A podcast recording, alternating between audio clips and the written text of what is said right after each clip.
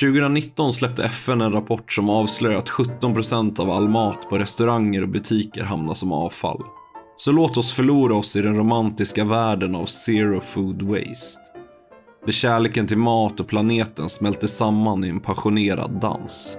Matavfall blir inte bara en trivialitet. Det blir en möjlighet. Det blir en chans för kreativiteten att blomstra och för nya smakupplevelser att födas.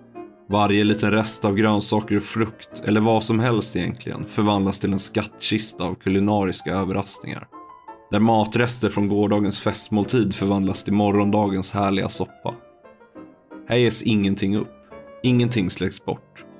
Istället skapas nytt. Grönsaker och fukter tar plats i rampljuset. Det blir hjältar i matlagningen.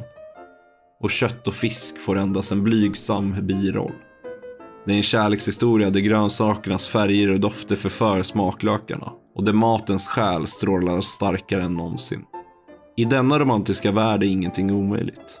Maten blir en kärlekshandling och en hyllning till naturen. Det är en resa av smaker och dofter där varje tugga berättar en historia om hållbarhet och om omsorg. När jag blir stor då ska jag bli kock.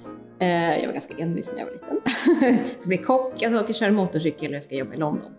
Det var liksom, det var någon sorts mål jag hade byggt upp för mig. Och så, sen så mamma var så ja ja, fan, det var kul. Imorgon kommer jag se något annat. Men det där liksom, jag hade också bestämt mig för att så här, ja, nu har jag bestämt mig för att jag ska göra, då får jag göra det. Liksom. Eh, och sen så blev jag kock. Hennes tallrik med rökt odlad fisk, potatis, gnocchi och fänkål avslöjar vem hon är som kock och person. Varje komponent på tallriken bär på en historia som visar hennes engagemang för grönsaker. Att minska matsvinnet och skapa smakupplevelser. Som uppvuxen på landsbygden i Enköping lärde hon sig att inte slösa med maten. Hennes mamma använde alltid vad som fanns runt omkring dem. Och kock visste hon redan när hon fyllde tvåsiffrigt att hon skulle bli. Genom åren har hon vandrat genom smakernas värld och experimenterat med exotiska ingredienser från avlägsna platser. Men som kökschef på det prisbelönta restaurangen Fotografiska fann hon tillbaka till sina rötter. Till landsbygdens charm och hållbarhetens skönhet. Här finns inga regler att följa. Inga begränsningar för hennes kulinariska fantasi. Hon ser grönsaker som likvärdiga med kött och förstår att deras smak och konsistens förändras över säsongerna. Varje grönsak bär på sin egna historia och lockar fram olika dimensioner av njutning. I en dold och för många okänd oas i historiska kvarter på Östermalm i Stockholm öppnade hon sin första alldeles egna restaurang, Oxenstierna. Elvira Lindqvist är mer än bara en kock. Hon är en röst för förändring.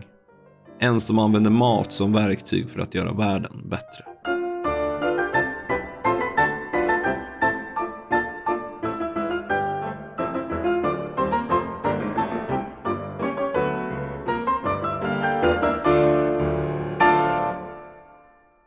Jag undrar vad din favoritingrediens just nu är?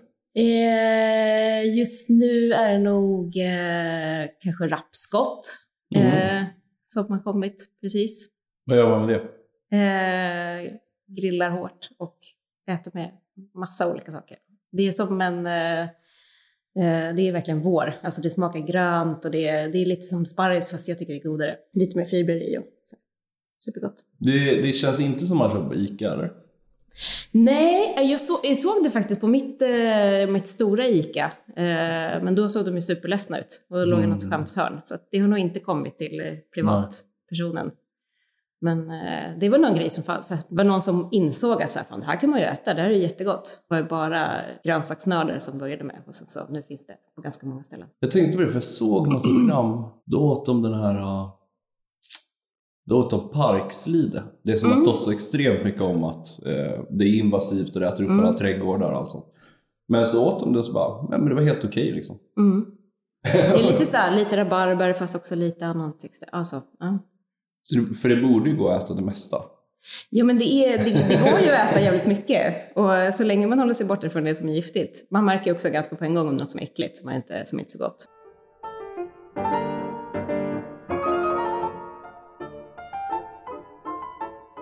Vilken är den bästa måltiden du någonsin haft? Ja du, det är nog tyvärr inte i Sverige. Det är väl Nej, en sån här kly, klyschig... Eh, liten italiensk eh, restaurang vid havet Mm. typ. och det har nog mest att göra med kanske omgivningen. Ja. Ja. Men du, du lutar inte åt trestjärniga restauranger som det hållet? Så det är ju en otrolig upplevelse och det är mycket som är häftigt och gott och bra parningar och sånt. Färviken var fantastiskt när jag var där. Men, men eh, jag vet inte. Jag tror att jag tycker om enkla måltiderna kanske är härligast. Och det beror på, alltså har man ett supersällskap på en, eh, en Michelin-restaurang så är det också helt fantastiskt. Men, men eh, där ligger också förväntningen alltid väldigt högt. Mm. Där förväntar man sig att det ska vara, allting ska vara toppen och det finns liksom man har valt ut sällskapet och det är så.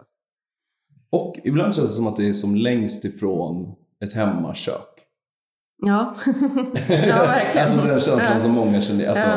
Jo, det är en annan upplevelse. Alltså, det är ju som sagt, man, bygger upp det och man, man, liksom, man har otroliga förväntningar. Men där är det också, där kan man ju verkligen njuta av fantastisk service eh, som många gånger glöms bort. Att man tänker bara att så här, maten är fantastisk. Men, men servicen är ju nästan en lika stor del, tycker jag. sant. Eh, så det är en annan grej. Men jag tror att själva matnjutning eh, tror jag att jag har gjort liksom, på enklare ställen. Vad, vad skulle du säga att du äter oftast? Eh, ja, jag är ju småbarnsförälder va? Makaroner? Nej, mycket pannkaka äts det. Eh, mina barn gillar eh, chili con carne. Äter jag också väldigt mycket. Men, Känslan är att din chili con carne är bättre än skolans chili con carne. ja, men den får jag faktiskt eh, okej för. Vissa saker säger ungen att jag tycker skolan är bättre. Och det är ju lite Det hårt. måste ta hårt ändå. Ja, det är lite hårt. Men mina barn är ganska gulliga. De säger ändå så här, mamma du är bra på att laga vuxenmat. Det är du jättebra på. De som jobbar i skolan, de är bäst på att laga barnmat. Ah. Ja, det är fint. Det är fint. ändå. Ett hel eller halvfabrikat som du alltid har hemma? Jag har alltid hemma ketchup. Jag tycker det är skitäckligt själv, men mina barn älskar det.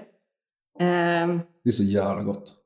ja, men många, älskar, många tycker verkligen om det, men det, jag vet inte. Ja, det är också en grej. Att, ja, jag brukar säga att jag, att jag äter nästan allt, men, Mm. men eh, jag har lite svårt för det här, så här sötsyrliga. Mm. Alltså kombinationen. Sötsås. Ja, sötsås tycker jag är ganska äckligt. Jag gillar inte så här, typ kalvedill som alla så här, det ska man bara gilla, men det tycker jag också är inte så här. Fan vilken kockig lunch det är. Kalvin. Ja, det är alltså. Och det ska man bara, som sagt, snackar du med Stefan så är det som att det är som att i kyrkan och säga att man inte gillar kalvedill om man är kock. Men, ah. Det är bra att inte Mm. alla är likadana. Ja, men, Men det står du i det teamet som gör egen ketchup?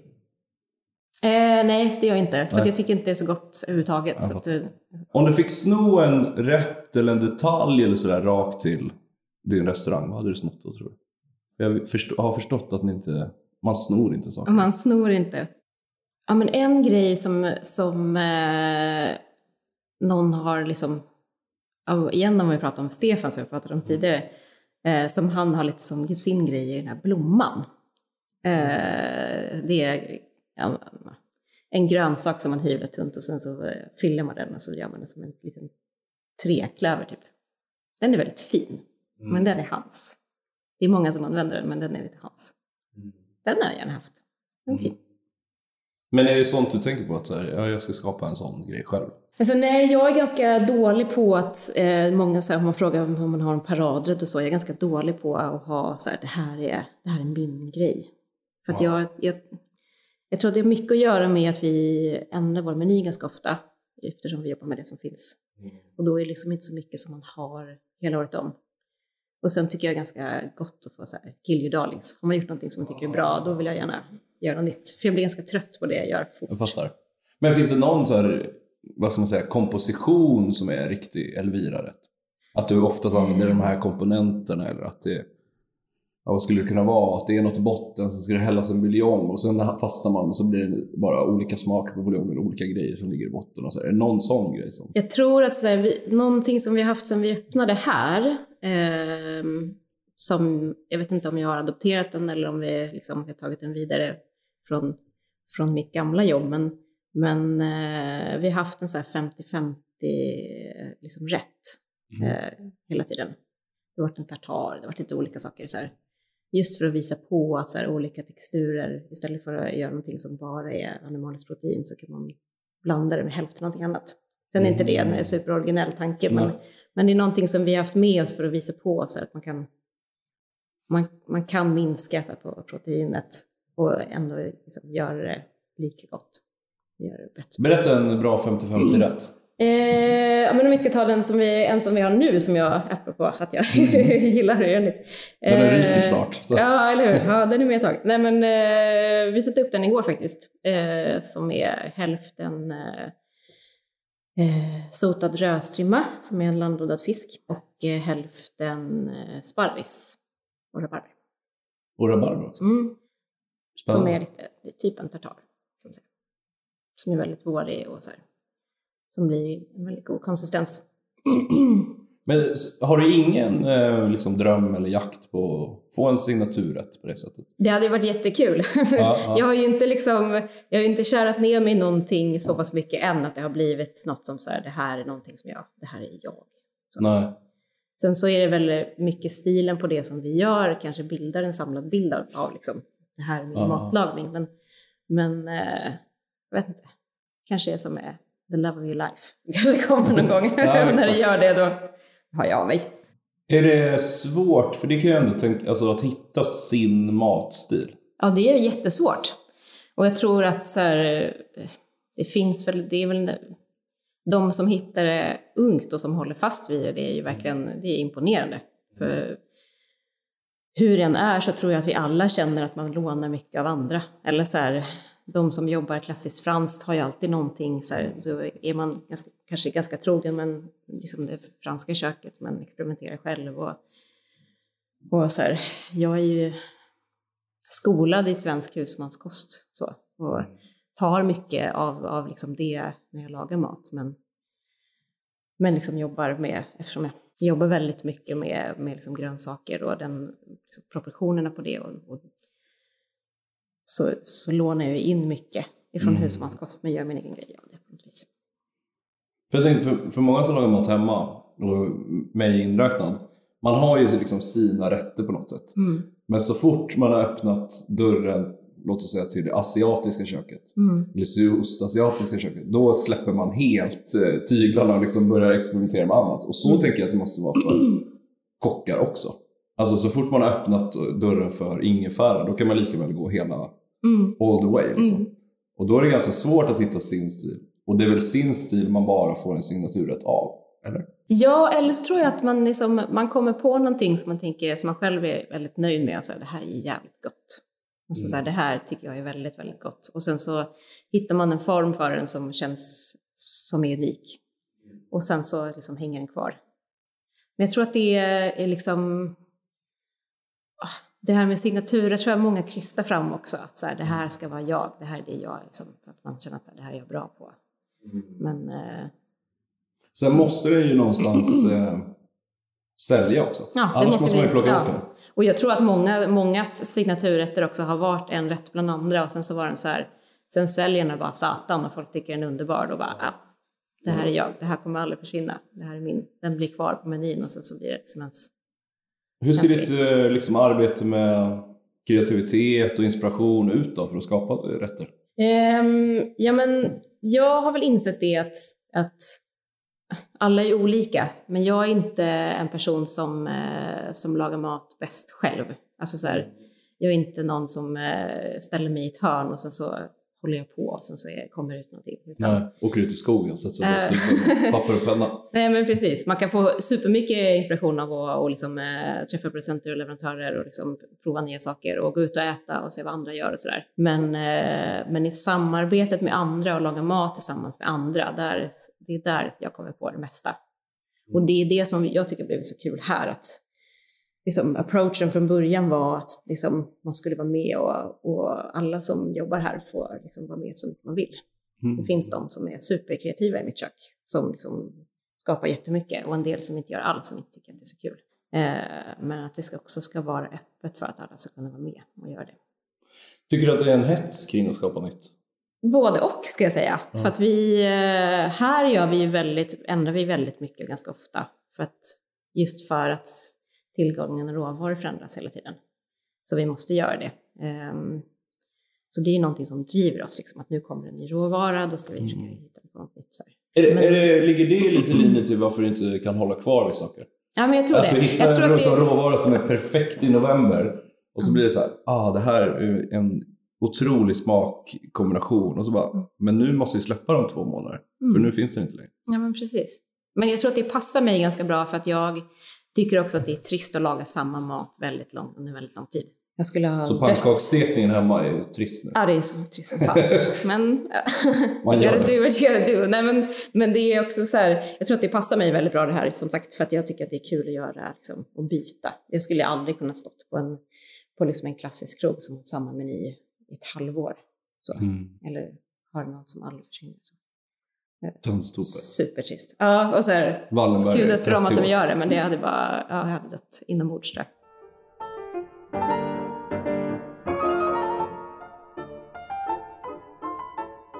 Tänkte att vi skulle prata lite om din eh, uppväxt i, eller utanför Enköping rättare sagt. Mm. Kan jag beskriva lite din uppväxt och matuppväxt? Ja, eh, jag, eh, morsan och farsan flyttade ut på, ut på landet, landet, landet, mitt ute i en skogsdunge när jag var ett.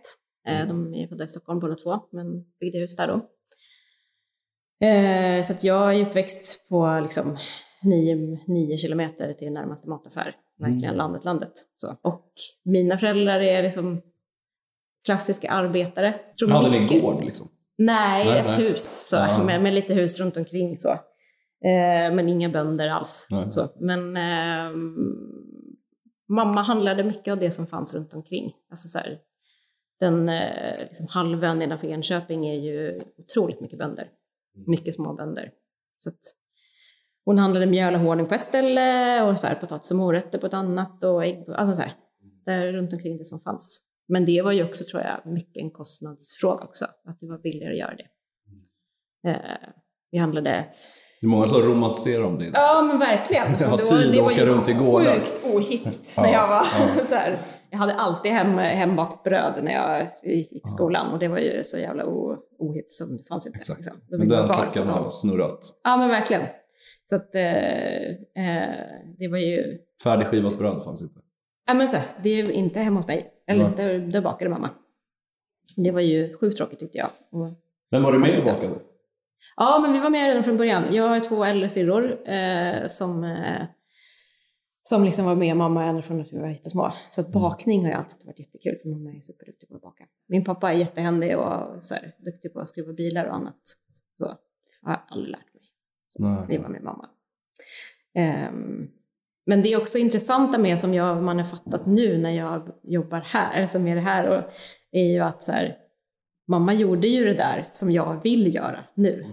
Men hon gjorde det av helt kanske andra anledningar. Hon gjorde det kostnadsmässigt. Att det var så här, man Hon tänkte ju förmodligen inte på att hon gjorde det. Nej, utan det var ju så här, vi ska ju äta mat och då slänga saker, det kostar.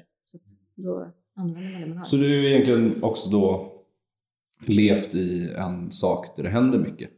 Alltså där repareras någonting, här lagas någonting, Mm. här. Alltså, och det är ju en sätt, alltså en kreativ värld. Ja, men verkligen. Och jag har ju verkligen dem att tacka för att jag jobbar med det här nu. För att de är ju ganska så konstnärliga på sitt vis båda två. Mm. så. Man skulle få göra det man ville göra. De har ju aldrig pushat en att du måste ha en högskoleutbildning, du måste bli högutbildad. Så här, utan de var så här, du kan göra precis vad du vill, men så här, hitta det som du tycker är kul och gör det. För det mår du bra av. Men när kom själva maten in då? Jag tror att jag började laga mat ganska tidigt hemma också för att jag tyckte att det var skoj. Mm. Jag har några så här bilder från att jag lagade nyårsmiddag till mina föräldrar. Och så här, tagit en receptbok och bara nu ska jag laga mat till er för att nu är det nyår. Så, så att jag tyckte det var väldigt kul. Ehm, Och tyckte om mat själv. Ja, ja men Ja. verkligen. Jag tror också att så här, jag märker det på mina unga nu, att de, är ganska, de blir ganska bortskämda med att de får äta saker som de tycker är kul. Och jag kanske inte utmanar dem så mycket som jag ska göra. Men mamma var lite verkligen så att så här, det här är det som finns, det är det vi äter. Så man fick smaka på allting. Tyckte man att det var skit. De hade också alltid argumentet att det var långt till butiken. Ja, men lite så. så här, det här är det som, det kan inte göra så mycket annat. Så. Nej. Jag har ju två minuter Ja, i butik, exakt. så det finns ju allt. Vi kan bara åka och köpa något annat. Amen. um, nej men så det kom in ganska tidigt och, och jag tyckte att det var väldigt kul att laga mat och det var väl också en grej med att man hjälpte till. Så här, vi på två liksom, heltidsarbetande och eh, föräldrar som också så här, hade en bit att åka och vi hade mycket fritidsintressen och så, så då fick man lov att hjälpas åt för att få allting att funka. Så. Det kom också med någon form Men när liksom... alla äter, man måste äta liksom. Mm. Men ni som kockar, ni har fastnat för kärleken till mat på ett helt annat sätt. Mm. När tror du det händer? Eller blir det bara att stegen börjar lägga sig? Jag är lite intresserad så jag pluggar inom det här. Eller? Ja, men jag, jag bestämde mig ganska tidigt för att jag blev, ville bli kock. Och jag vet inte varför. Jag, vi har liksom ingen runt omkring mig som var kock eller som jobbade i restaurangbranschen så det var helt främmande för mig. Men, men jag, jag vet att jag, eller mamma har sagt att jag kom hem och sa att jag var kanske nio eller tio någonting så här. Kom hem och bara, när jag blir stor då ska jag bli kock. Eh, jag var ganska envis när jag var liten. jag ska bli kock, jag ska köra motorcykel och jag ska jobba i London. Det var liksom, det var någon sorts mål jag hade byggt upp för mig. Och så, sen så mamma var så ja ja, fan, det var väl kul. Imorgon kommer jag se något annat. Men Ja. det där liksom, jag hade också bestämt mig för att så här, ja, nu har jag bestämt mig för att det här ska göra, då får jag göra det. Liksom. Eh, och sen så blev jag kock.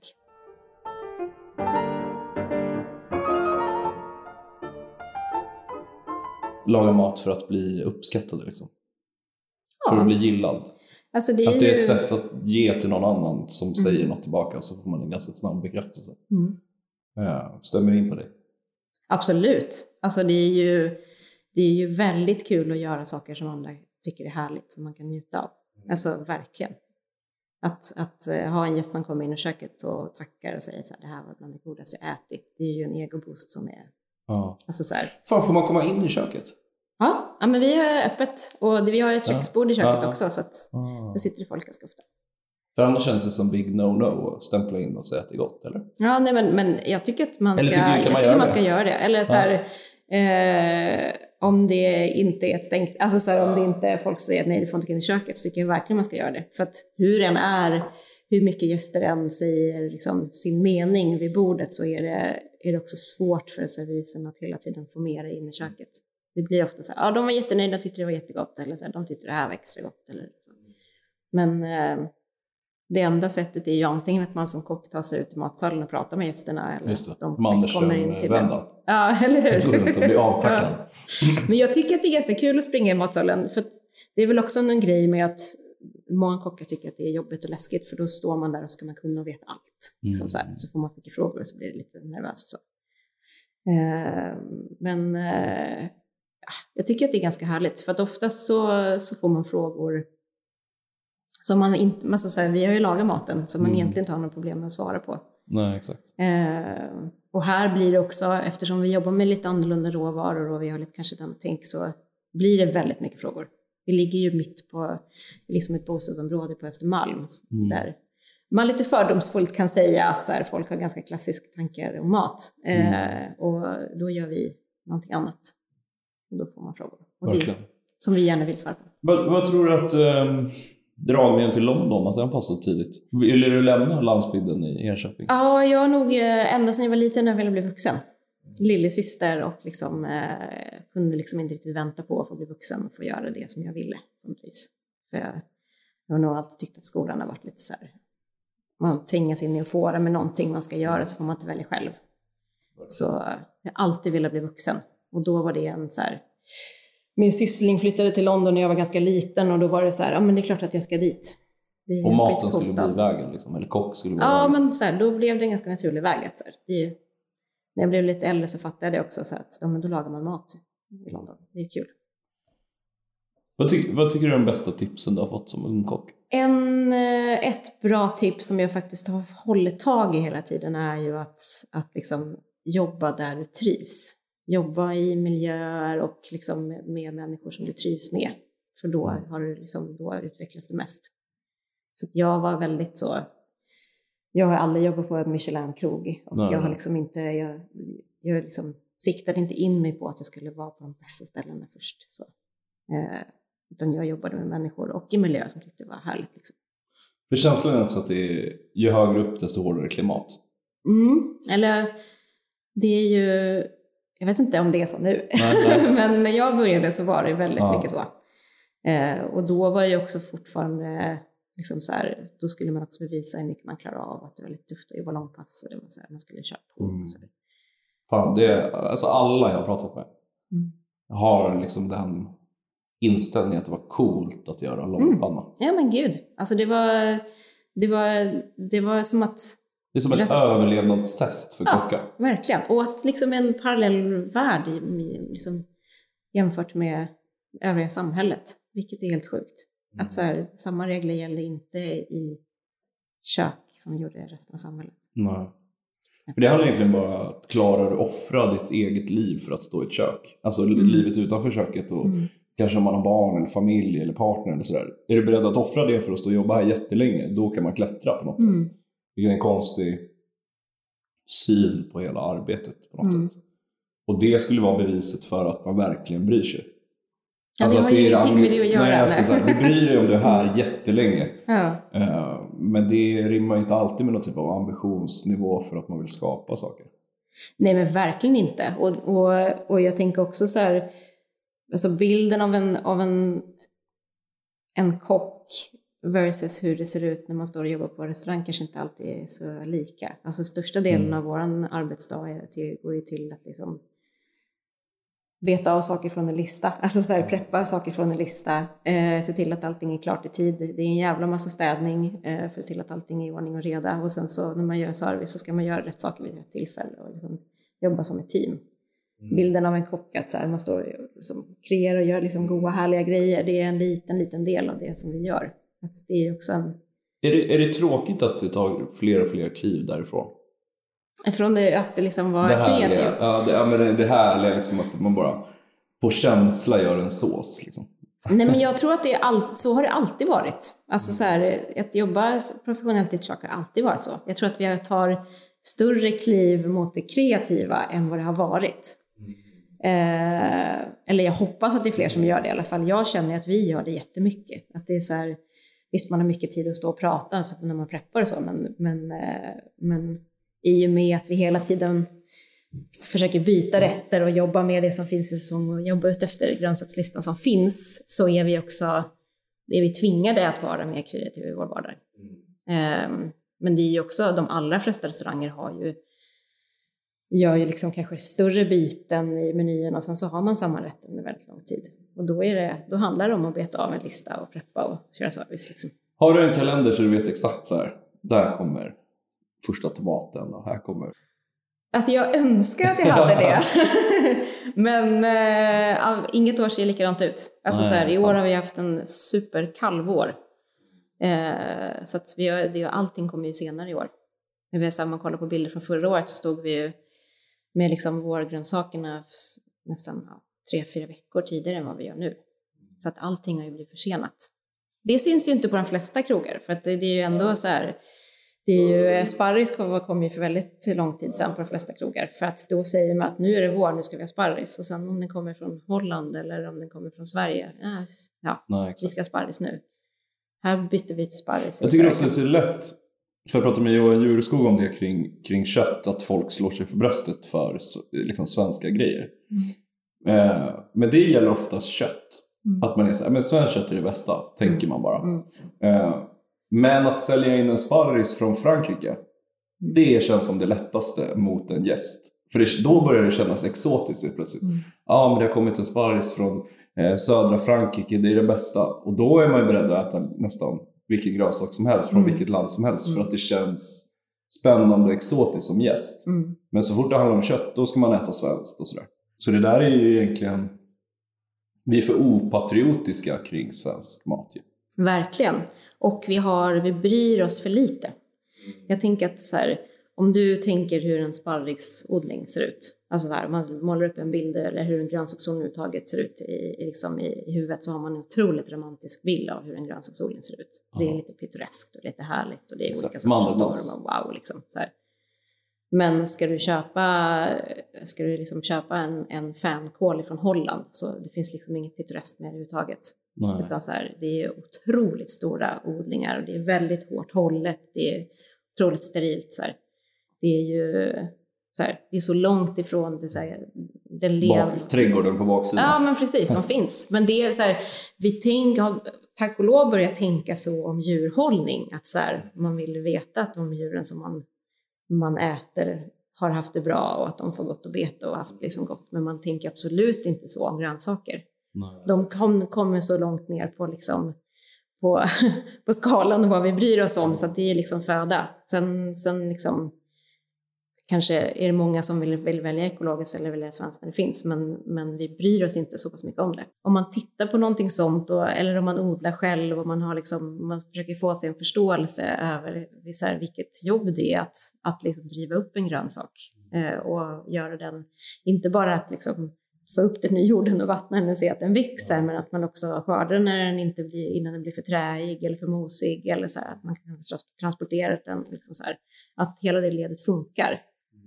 Och så, så här, får man förståelse för det och sen så kliver man in i, i liksom en stor mataffär och bara, fan vad gott, nu ska jag laga grönsaker. Och bara, ah, är allting så långt ifrån det som man kan Verkligen. komma? Och så här, det, det, är ju någon form av glitch i det också, om man tänker med, med oss restauranger, att man, man vill få tag på de bästa råvarorna. Eh, men man ska också ha en volym av det. Och då är det liksom inte möjligt för de flesta att liksom sourca, liksom hitta alla de gårdarna som man vill köpa det av, att liksom lägga den tiden och den kraften på att få in det. Eh, om man inte är liksom en, en har fårbord som har tid att göra det. Är det, är det en, alltså, finns det ett tyst krig som ingen gäst ser av mellan restauranger som jagar råvaror? Ja, fast jag har inte, det har inte jag märkt av alls faktiskt. Nej. Det är så eh. fan nu fick den där restaurangen de bästa. jag tror att en del, alltså en del eh, bönder har väl eh, har liksom siktat in det på, viss, på vissa restauranger och säljer dem och säljer inte till andra. Så. Eh, och liksom eh, ger dem, om man har en bra relation till dem så kan de också odla det som lite man vill ha. Eh, men eh, det var, jag har ju också märkt av att en del, eh, en del bönder får liksom inte sålt det som de har fast de har jätte, jättebra saker. För att det är så himla mycket mer krävande att få leverans en eller två gånger i veckan bara istället för att få det varje dag. Alltså så här, det är ett jobb man måste göra, en planering man måste göra som är svårare.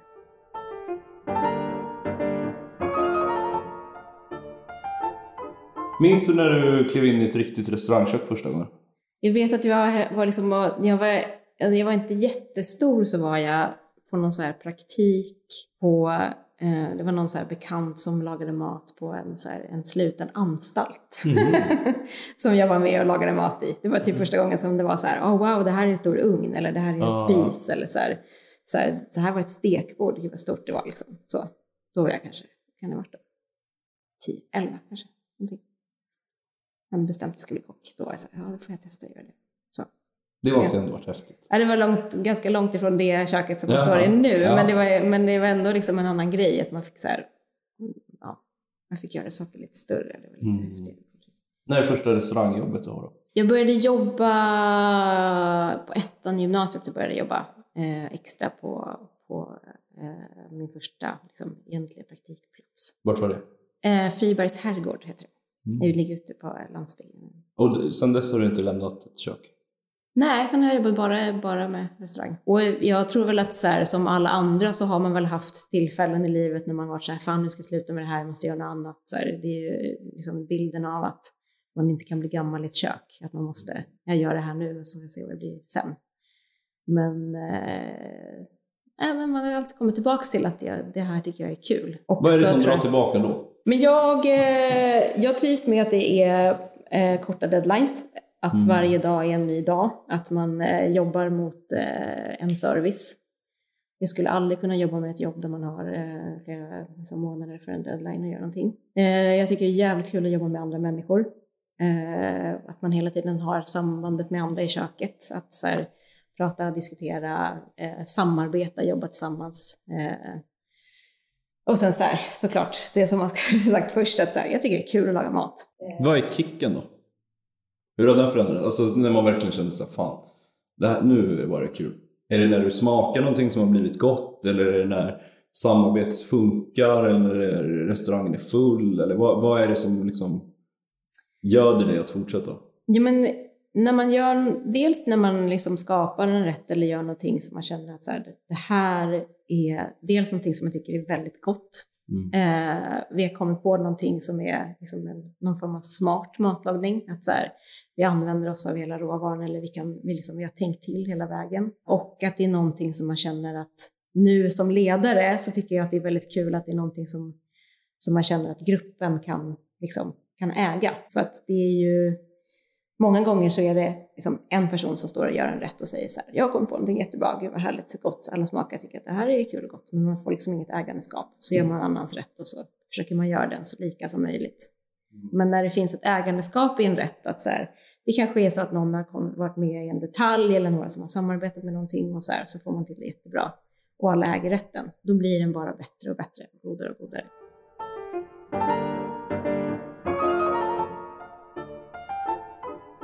När, när gjorde du praktik i London? Eh, sista svängen på gymnasiet, eh, på, i trean innan jag skulle ta studenten, så åkte jag dit. Var var du någonstans då? Eh, en, en eh, restaurang som heter Hoxton Square Bar and Kitchen, som är, är inte heller en stjärnrestaurang, men Nej. så här, det var så här, ett litet kök med 40 platser och två jättestora barer, barer mitt i, liksom, i Hoxton. Hade du hittat hem då? Alltså jag, eh, i London så lärde jag mig nästan ingenting om matlagning alls. Lärde dig om hårt klimat? Ja, om att veta min om plats. London. om att liksom, om hierarkier, om eh, liksom eh, mycket så här saker, så det, här, det här vill jag aldrig vara med om eller aldrig vill, vill jag aldrig liksom föra vidare själv. Ja, vad är det värsta som hände då? Alltså, det var jävligt mycket droger där. Eh, och så här, det var de här två stora barerna som, som eh, var liksom till, var ju små smetfulla. Liksom. Och, och de var väl också en så här party Mm. liksom, del i London. Så att det var... Eh, jag, kom- Kommer man dit som 18-åring är så klart att man vill festa. Alltså vi festade i järnet när jag var där. Men kommer man också från ett litet ställe så var det som en chock för mig. Att så, här, så jag, blev, alltså, jag tror att jag blev vuxen på ett annat sätt. Jag lärde mig att passa mig för vad man gör och vad man inte gör. Eh, och att jag också så här, jag var nog ganska kaxig innan jag kom dit. Också att så här, folk sa att jag var duktig på det jag gjorde och så här, jag hade gott självförtroende och så här, jag ville lära mig och jag, liksom, det fanns liksom inga begränsningar på något vis. Där fick jag också lära mig på något vis. Ja, så här, så här, du är fan värdelös, ställ dig och, och skala bondbönor i en fyra dagar. Mm. För att du är ny här. Du är inte bara det att du är från Sverige och att du är elev, du är också tjej. Så varsågod, där kan du stå. Tydlig Sjukt. maktdemonstration. Ja, verkligen. Det måste ju vara det värsta du upplevt i kök. Ja, och jag är så här, jag tror också i efterhand att jag, att jag nog inte fattade riktigt. Utan jag, var, Nej, nej. jag tror att jag var med så här, jag svalde, jag tyckte det var för jävligt, jag ställde ett hörn och gjorde det liksom. För man tänker, det här gäller alla Ja, förmodligen. men så här, det var så här, det var bara så. Man ju försöka, jag var Ja. ganska duktig på att köpa saker då. Så. Så man, man var väl 18 och var lite dum i huvudet liksom. Men, men eh, så här, i efterhand så, så fattade jag inte att jag inte bara sa tack och hej. Jag har tänkt mycket på det för att alla som har lämnat Sverige i unga dagar, oavsett vilken kock jag pratar med, som har landat i Frankrike eller London eller sådär, har den upplevelsen. Och utifrån så känns det som, varför slutar man inte? Liksom? Ja, Ja, och då måste det finnas någon kärlek till, till maten eller kärlek till liksom det man håller på med, eller någonting som ändå gör att man håller sig kvar. Ju. Vad tror du att det är i ditt fall? Jag tror att det har mycket att göra med min envishet. Att jag så här, jag tyckte att det var, dels kanske jag inte fattade det, men också så här att jag, jag blev ju också, i efterhand så blev jag, eller när jag var, också när jag var där så blev man också lite förbannad över det. Och att så här, ja, men det är det här är jag ville jobba som kock. Jag, så här, något sånt här skit ska inte få stoppa mig för att göra det som jag vill göra. Och då kanske inte det handlade bara om matlagning, utan det var så här, jag hade en stark drivkraft att vilja ta mig vidare och bli duktig på det jag gjorde, skulle liksom, på mitt jobb. Och då var det där bara någon, det var en litet, ett litet skit i hörnet som fick, liksom, fick vara på något vis. Men när, är det då eller är det någon annan gång som du är absolut närmst att liksom släppa kniv och förkläde och dra? Nej, alltså jag har varit nä- närmst liksom att sluta har de varit de gångerna som jag skaffat barn faktiskt. För att då har jag också, nej men då, nej, det är de enda gångerna när, när liksom jag har varit föräldraledig, är de enda gångerna som jag inte har liksom, under lång tid inte har varit i ett kök. Eh, och då också verkligen börjat analysera att, så här, ska jag göra något annat? Är det verkligen det här jag ska göra? Kommer jag palla med och, och jobba i kök nu när jag har barn? Och så. För man är rädd för att man ska inte vara med dem tillräckligt mycket eller skammen att man är borta mycket? Eller vad är man... Eh, ja, men dels, eller, jag tror att det, för mig har det varit mycket så här logistiskt sett. Så här, Mm. Hur ska jag kunna få ihop det här? Mm. Hur ska jag få ihop med att kunna jobba eh, med det som jag tycker är kul? Eh, med att få jobba kvällar och jobba liksom servicer som jag, som jag tycker är skoj. Eh, och samtidigt kunna få ihop familjeliv. Det har liksom varit så. Barnens pappa är, jobbar liksom inte i restaurang. Jobbar eh, så här, måndag, fredag, dagtid. Och liksom alltid kunna vart, liksom, kunna ta hand om barnen så. Men, men också så här, jag skaffar inte barn förrän jag inte var med dem. Så, så här, hur fan ska man få ihop det logistiskt sett? För det var ju också någon sådär, jag ville inte ställa mig och jobba dagtid måndag, fredag. Nej. För det tycker jag inte är kul. Vad är det i servicen som är så härlig då? Det är action. Ja, det är jävligt kul när saker och ting flyter. Man känner att man, eh, man lagar den maten som det är meningen att man ska laga och man gör det bra och det blir gott och folk blir nöjda. Man har liksom bra samarbete och att det är roligt. Eh, Mång, många som jag pratat med hänvisar till det där flytet att man liksom känner att servicen, att det funkar. Hur ofta funkar det inte då? oftast funkar det. Ja. Alltså det är ju väldigt sällan som det skiter sig. Och om när många gånger så är det så här, är det på väg att skita sig så händer det nästan aldrig att det skiter sig på riktigt. Jag tror att de gångerna som, eh, som service har gått åt helvete och folk har gått ifrån, gått ifrån bordet har kanske hänt en gång i mitt yrkesliv. Och det säger jag inte för att vara kaxig, utan det är så här, på något vis så löser man det. Ja, och det är det som är exakt. så coolt med, med restaurang också, att det är också fyllt med människor som är väldigt, eh, så här, som är väldigt duktiga på att lösa problem. Sen kanske inte alltid allting blir perfekt och ibland så blir gäster, är gäster kanske inte asnöjda om man får vänta länge eller om något som händer. Men det är liksom, det händer i princip inte att det skiter sig på det, på det planet att folk lämnar. Liksom.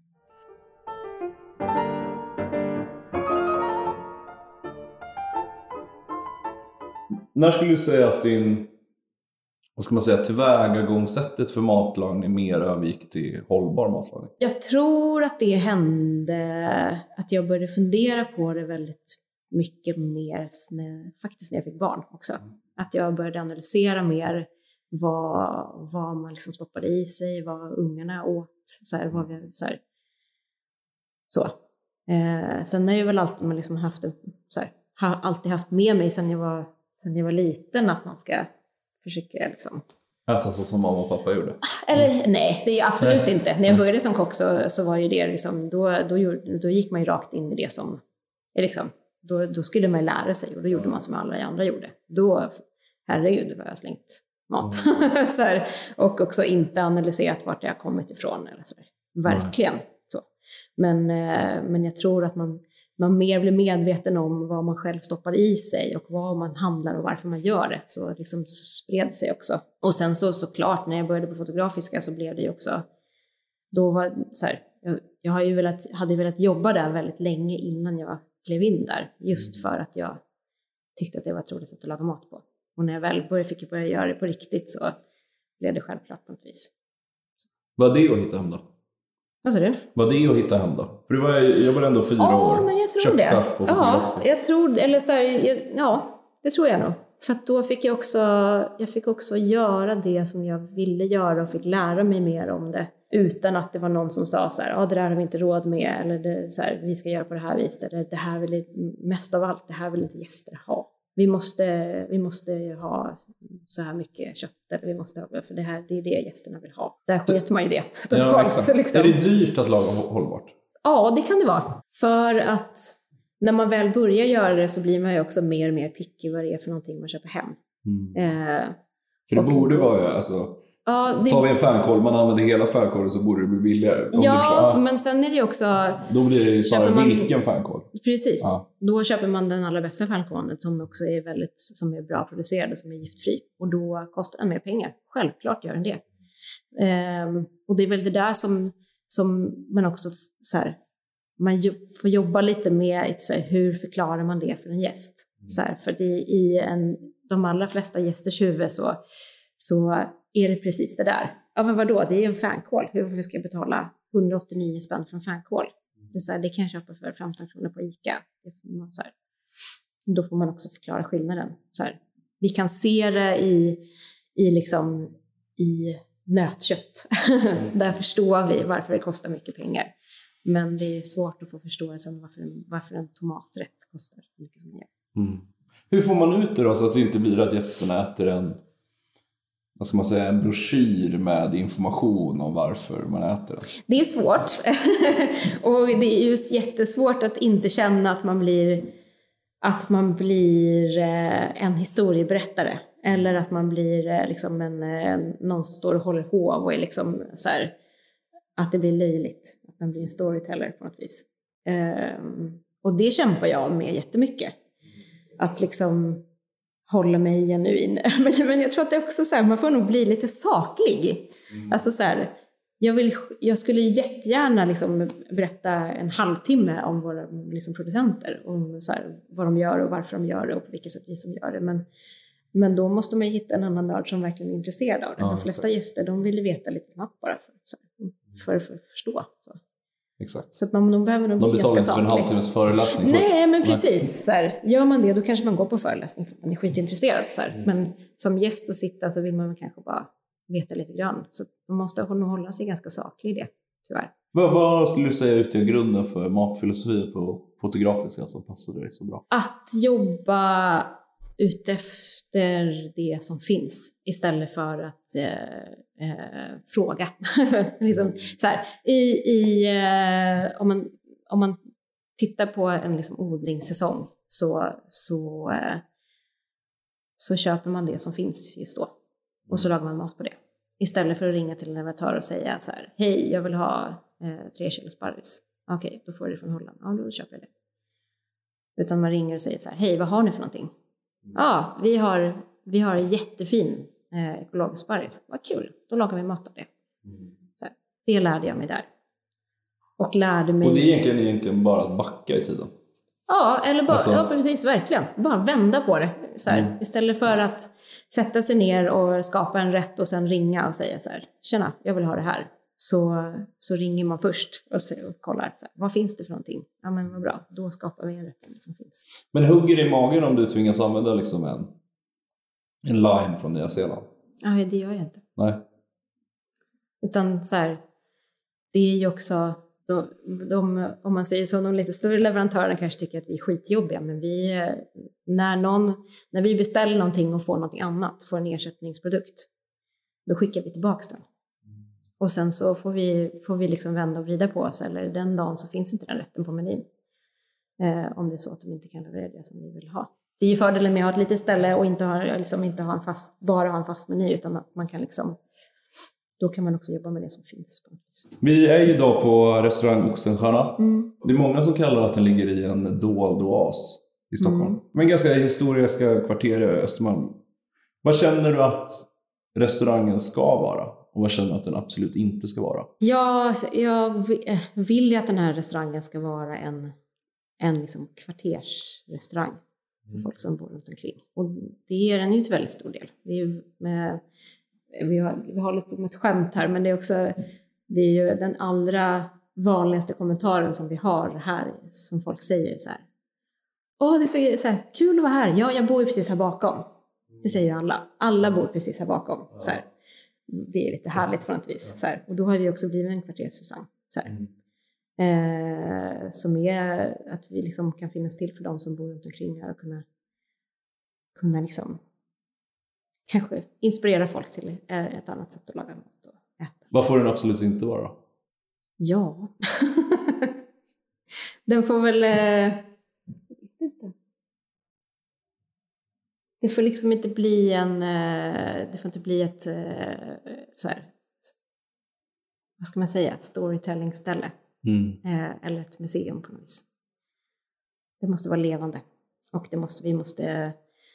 Det som vi gör här i ska vi göra genuint. Det ska inte bli liksom en... Eh, att, vi inte, att vi inte gör det som vi säger att vi gör. Hur, hur jobbar man med det då? För där är ju du någonstans en kulturbärare. Mm. Alltså för att bygga kulturen på restaurangen. Hur, hur svårt är det? Ja, men eh, jag tror att eh, det var faktiskt ganska kul. Vi hade en, en eh, tjej här eh, igår som, eh, som sökte jobb. Mm. Eh, som eh, ja, men jag gick runt och visade och så pratade. Hon hade varit här för, för eh, ett och ett halvt år sedan och käkat mat. Det var så härligt. Och så, och så sa hon ja nej, men det var väldigt gott, gott och väldigt härligt och mysigt och sådär. Och det var, hon var så himla härlig personal. Det kändes som att det var genuint liksom. Eh, alla var så glada. Och jag fick samma känsla när jag kom hit idag. Och då blir jag skitglad. Ja, det att det är så här den kulturen som, vi, som, som jag försökte implantera från början. Att så här, det är så här vi gör och, och så här beter oss vi mot varandra och så här, så här, så här beter vi oss mot gästerna och det här, den här maten lagar vi och så här pratar vi om det. Att det fanns kvar på något vis, även fast det kanske är lite andra människor som står här, alla är inte med sedan början. Så. Och då är det en kultur som lever. Men sen är det ju den kultur man har på en restaurang, den, den beror ju på vilka som jobbar där. Att så här, jag kan stånka mig blodig och säga så här, jag tycker att vi ska göra så här, eller så här, det här är okej, det här är inte okej, och så peka med hela handen och så. Men sen måste det ju göras, och det måste göras naturligt. Ja, exakt. Men hur svårt är det för dem att inte peka med hela handen när man ändå vill, det vi pratade om innan, få ut sin matstil, få ut sin tänk om mat. Då måste man ju också nästan vara lite ego. Men vi har ju liksom riktlinjer för vad vi gör och vad vi inte gör, alltså i skrift. Vi har en, eh, en liksom hållbarhetspolicy som vi, som vi jobbar efter i att så här, det här är reglerna för vad vi gör. De- här råvarorna köper vi in, det här köper vi inte in. Eh, när det gäller dryck så finns det, har vi också liksom satt gränser för vad vi använder, vad vi inte använder, eh, som vi håller oss efter. Och det är ju också, det är, det är ju både jag som, som driver det, men också restaurangchef, souschefer, så här, vi måste ju vara med och upprätthålla den. Att det är så här, igen, är jag inte här en, en morgon när leveranserna kommer så vet man det att så här, är det någon tjomme som har skickat en spansk sparris för att det var det som fanns istället för den ekologiska svenska vi ska ha, ja, men då, är, då, då ringer man på en gång och säger det här får ni hämta fort som fan.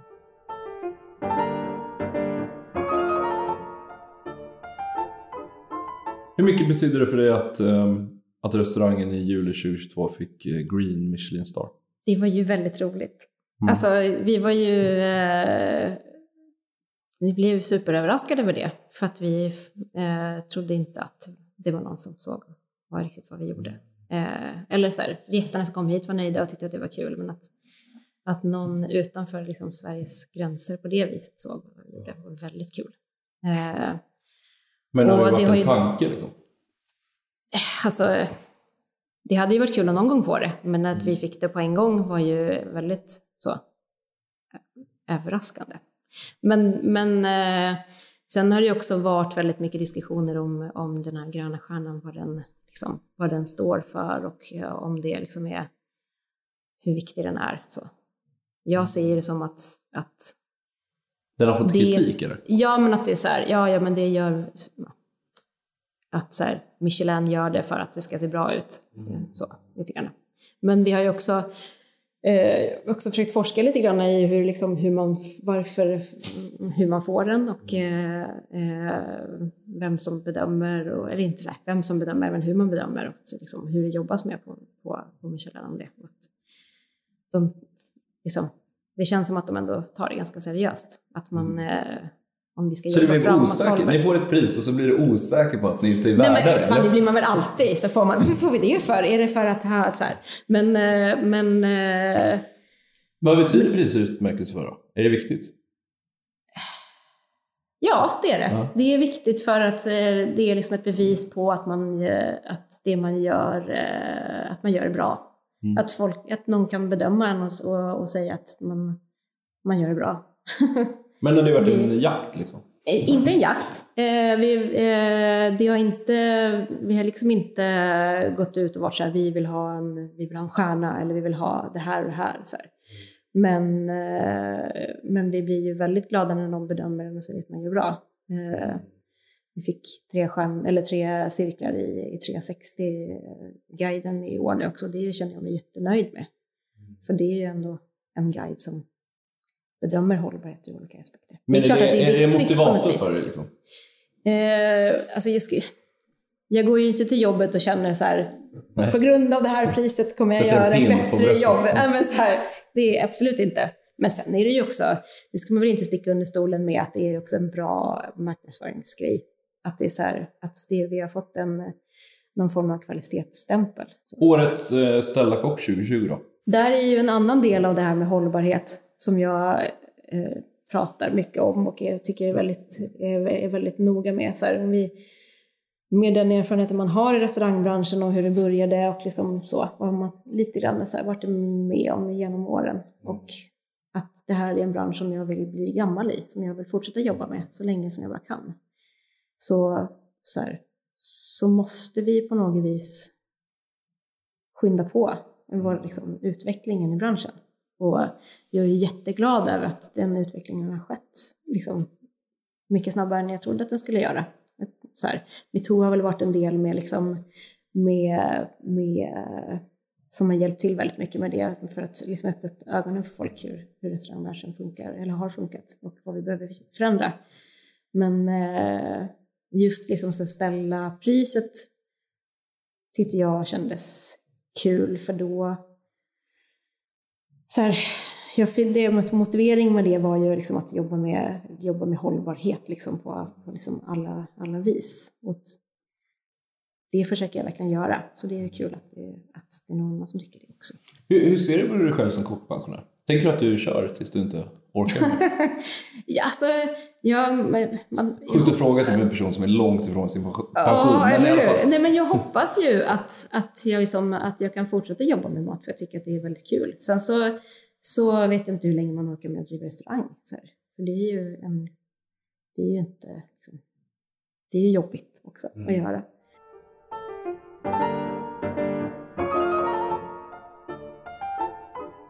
Hur, hur tycker du att matsvinn och vällagad mat går ihop och vart de skiljer sig?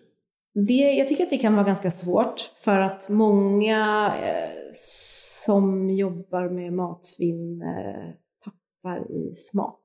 Mm. Eh, att man är så fokuserad på, som jag sa i början, man är så fokuserad på att man ska göra det så, så här, mat, alltså klimatsmart man bara kan. Mm. Och då tappar man ofta smaken. Då blir det, Var, varför det blir, blir det gott, så? men Varför skulle liksom matsvinn inte smaka? Alltså jag fattar inte. Nej, riktigt. så, så här, eh, mat, eh, eller liksom, saker man annars skulle eh, så här, kasta är oftast jättegoda. Men man måste jobba väldigt, alltså man måste jobba mer med produkten för att få det som, som och få det väldigt gott. Om man säger så här, eh, rötter eller eh, blast eller så här, stammar som man ska använda har en annan textur än det man är van vid. Det som man liksom använder som det vanliga. Och då måste man hela tiden fundera på vad kan jag använda det här till? Istället för att, det kan ju låta lite klyschigt så här, men om man, eh, om man utgår från en grönsak och tittar på den har olika delar, så istället för att säga att det här är delen som är, det här är bra, det här är dåliga, så är det så här, det här har den här texturen, det här har den här texturen, det här är skalet, det har visst, liksom, det har en viss, viss textur, en viss smak. Ja, då måste man ju ta reda på vad man ska göra med det. Och då är det oftast många som tar genvägar och tänker så här, men det här funkar nog, eller så här, nu ska vi inte slänga saker, det måste vi stoppar ner i en kaka och sen så blir kakan skittorr för att, liksom, Ja. för att det inte finns liksom, eh, vätska, lätt textur, rätt textur. eller Så, här. så det är ju det är ju ett jävla liksom, eh, utforskande i eh, liksom, att jobba med, med, med saker som blir över. Tycker du andra kockar gör väldigt lätt för sig då? Bara tar det den mest juicy och bästa biten? Eh, ja, faktiskt. Eh, och det är väl klart att man gör det. Så här. Om man, eh, om man eh, inte tänker hela bilden eller hela råvaran så går man ju på det som är enklast såklart. Det som blir godast mer på, enklast vis såklart. Ja. Vad gör man med botten på alla rötter och allt vi hackar bort från grönsaker? En, en grej som vi jobbar jättemycket med här är ju eh, så här, fermentering, torkning. Eh, om man tar en sån enkel grej som en citron. Nu använder vi, nu använder vi nästan inga citroner här. Det är en grej som vi håller på att jobba bort. Men en sak som jag under många år har haft som min, så här, mitt undantag. Det är För det är som den största smakhöjaren. Ja, och det är någonting som är så här, det finns inte, alltså syra, citron, syran i citronen finns liksom inte på något annat vis. Det gör det jobbet. Så. Men eh, ponera att du har en, att du har en, en citron hemma och så pressar du ur, eh, ur eh, juicen och sen så är det skitmycket av den kvar. Och den skickar man, för då tänker man så tänker man till lite kanske man tar bort skalet och så använder man det, men så, så är liksom resten kvar. För det är ingenting man Mm. använder. Då kan man ju, eh, antingen så kan man ju eh, koka någon form av marmelad av det. Eh, man kan, det som vi har, liksom, har gjort här är att torka den så man får citronpulver. Det är en jättebra krydda att använda. Eh, man kan eh, liksom lägga in den i, i salt och få en salt citron, för då blir det inte liksom det vita så himla beskt. Det finns jättemycket saker man kan göra. Och det där kan man ju liksom göra med alla, i- alltså de flesta sakerna. Det finns här, en del skal är skitäckligt. Det är beskt och det liksom blir så här, då får man slänga det. Eller en del rötter går inte att använda. Så då är det så. Men det mesta sakerna kan man använda. Men Mm. det viktigaste är ju då först att man smakar på det. Alltså så här, se vad har det för textur. Det, det allra mesta som vi slänger bort är ju för att det är, är för liksom fibrigt eller att det inte är så gott att tugga på. Så här. Säg, när så här, köper du hem en svartkål, eh, liksom svartkål så, så använder man ju inte se, liksom bladen på det och sen så slänger man bort stammen. Men stammen är jättegod. Mm. Vad gör jag med dem?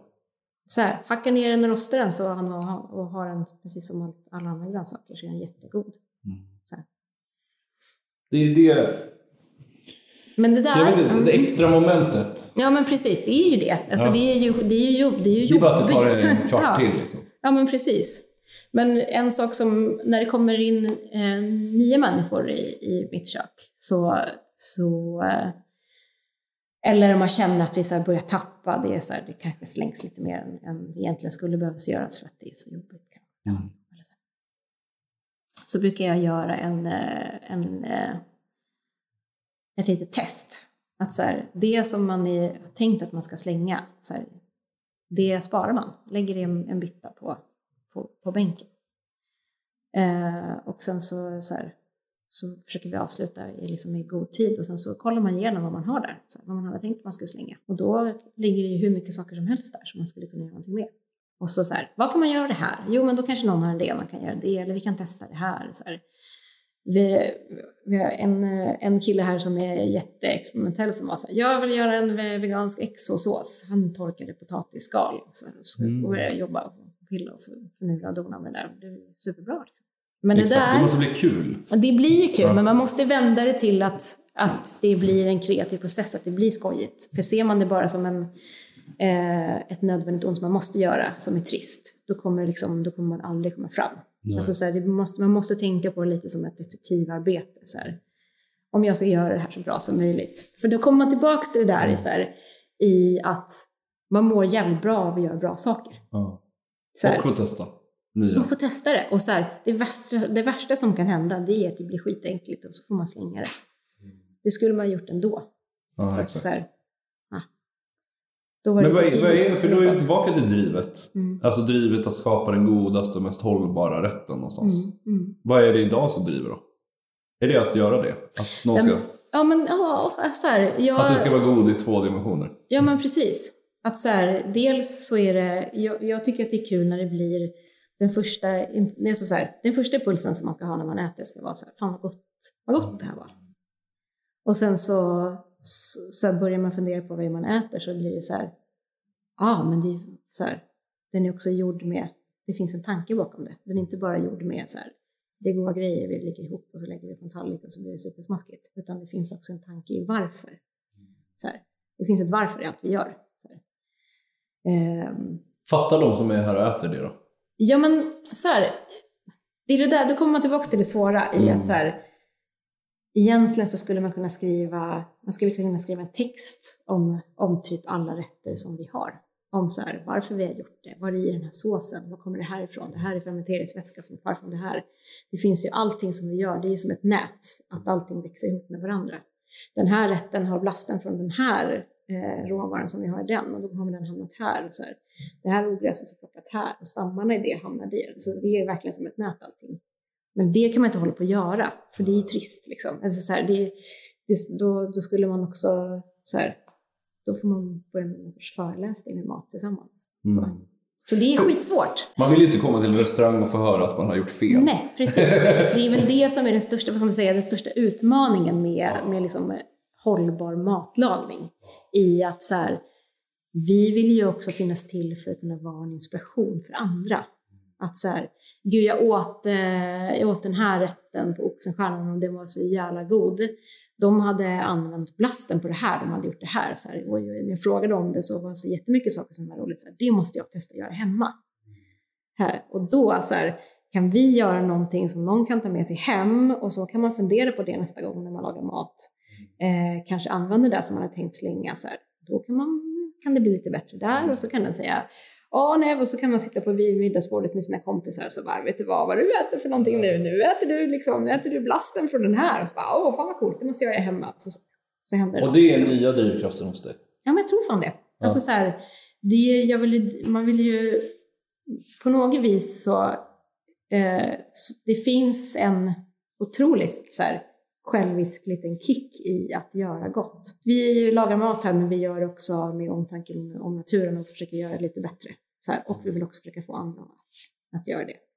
Det är så här, det går rakt in i, liksom, i godhetskontot som man mår bra av, självklart.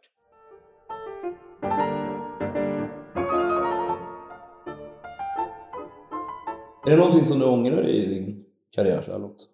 Eh, Ja, jag ångrar nog lite grann att jag inte har varit mer självisk tidigare i mitt yrkesliv. Att jag eh, liksom, såklart har jag valt liksom, ställen att jobba på där det är människor som jag trivs med eh, och får liksom många laga mat som jag tycker är kul. Men jag har också varit väldigt dålig på att, så här, att vara lite ego och stå på mig och kanske fått göra mer saker. Jag, jag känner många gånger att jag har liksom har varit den här personen som har eh, eh, jobbat häcken av mig, ställt upp, fixat och donat och kanske liksom inte heller liksom bara, bara gjort det, löst saker, varit den som liksom har varit så här, men inte varken kanske tagit cred för det eller, eller liksom tagit klivet fram och säger så här, nej men det här vill jag göra. Låt mig, ge mig utrymme att göra det här. Så. Nu är jag ju skitglad att jag, att jag kommit dit och får göra det nu.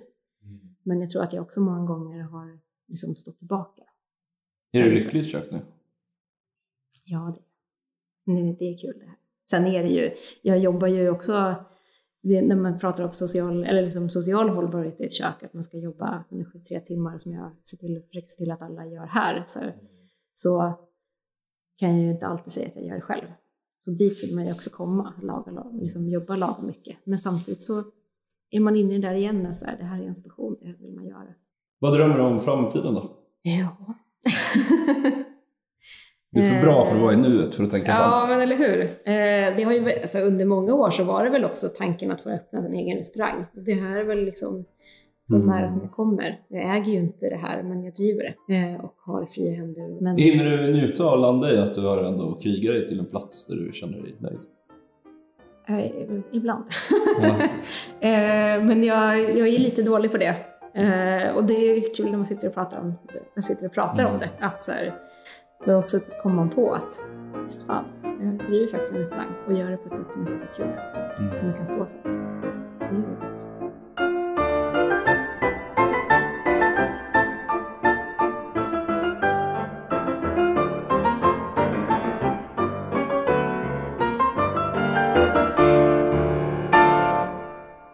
Du har lyssnat på Ingredienserna. En podcast skapad av The Georgian Media. Grafisk layout av Marcus Beckford på True Production.